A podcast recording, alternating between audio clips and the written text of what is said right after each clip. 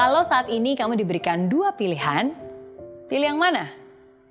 Pilih menjadi orang yang selalu menerima atau orang yang selalu memberi. Saya ingin kamu menjawab pertanyaan itu dengan jujur dalam hati. Lalu, dengarkan cerita saya ini.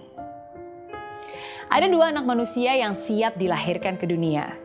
Ketika malaikat melihat mereka, malaikat pun bertanya kepada keduanya, kalau kalian diberi pilihan menjadi orang yang selalu menerima atau menjadi orang yang selalu memberi, kalian mau pilih menjadi yang mana? Orang pertama langsung menjawab sambil tertawa. ya pasti saya milih untuk selalu menerima dong. Kan enak, hidup santai, nggak perlu kerja, nggak perlu kerja keras, nggak perlu ngapa-ngapain, semua pasti sudah terpenuhi. Tapi orang kedua dengan tenangnya menjawab, biarlah saya menjadi orang yang selalu memberi. Mendengar jawaban kedua orang ini, sang malaikat pun berkata, "Baiklah, kalau pilihan ini memang kehendak kalian, maka apa yang kamu minta akan kukabulkan." Dan seketika mereka berdua lahir ke dunia. Ketika mulai dewasa, terlihat perbedaan antara kedua orang ini.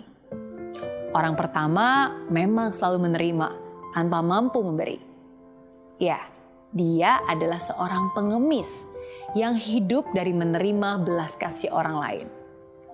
Sedangkan orang kedua selalu memberi.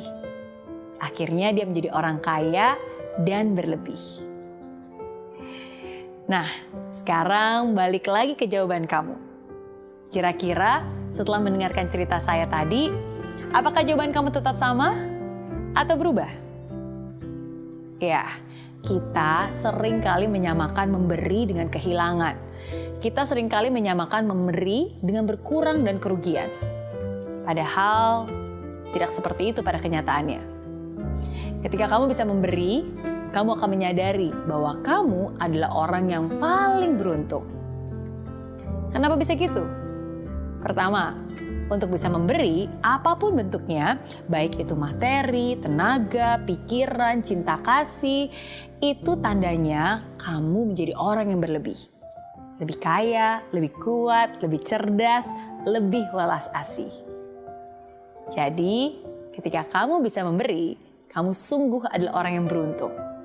Beruntung karena hidupmu masih lebih baik daripada banyak orang di luar sana. Beruntung karena kamu masih memiliki kasih dan hati yang mau memberi.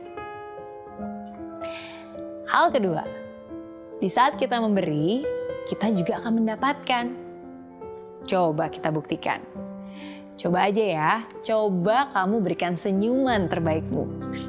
Apakah kamu akan dipukul atau dimarahi? Nggak mungkin kan? Malah sebaliknya, kamu akan mendapatkan perhatian, kamu akan mendapatkan simpati. Jadi, dalam memberi, tentunya memberi dengan ketulusan ya, hati kita juga akan mendapatkan balasan yang setimpal. Bila bukan di dunia ini, tentunya pahala dari Sang Pencipta, Sang Ilahi. Tapi Miss Mary, saya sendiri masih merasa kurang.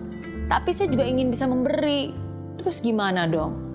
Bisa nggak sih berkekurangan tapi juga memberi?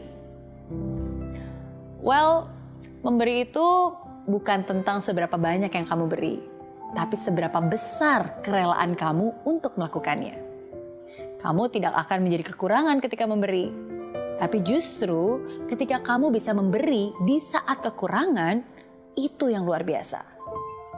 Ada begitu banyak berkat yang bisa kamu nikmati dalam hidup ini. Cobalah untuk berbagi, bukan hanya menikmatinya sendiri. Bukan hanya soal uang, bukan hanya soal materi saja, tapi kamu juga bisa memberikan waktu, memberikan tenaga, memberikan perhatianmu. Kamu juga nggak akan pernah tahu seberapa besar arti pemberianmu bagi orang lain. Sesuatu yang mungkin tampak kecil banget bagi kamu bisa menjadi sesuatu yang luar biasa bagi orang lain. Jadi ingat ya, memberi tidak hanya bicara soal kemampuan, tapi kemauan. Memberi bukanlah untuk dilihat dan mendapat pengakuan dari orang lain, tapi ketulusan untuk memberikan yang terbaik untuk orang lain.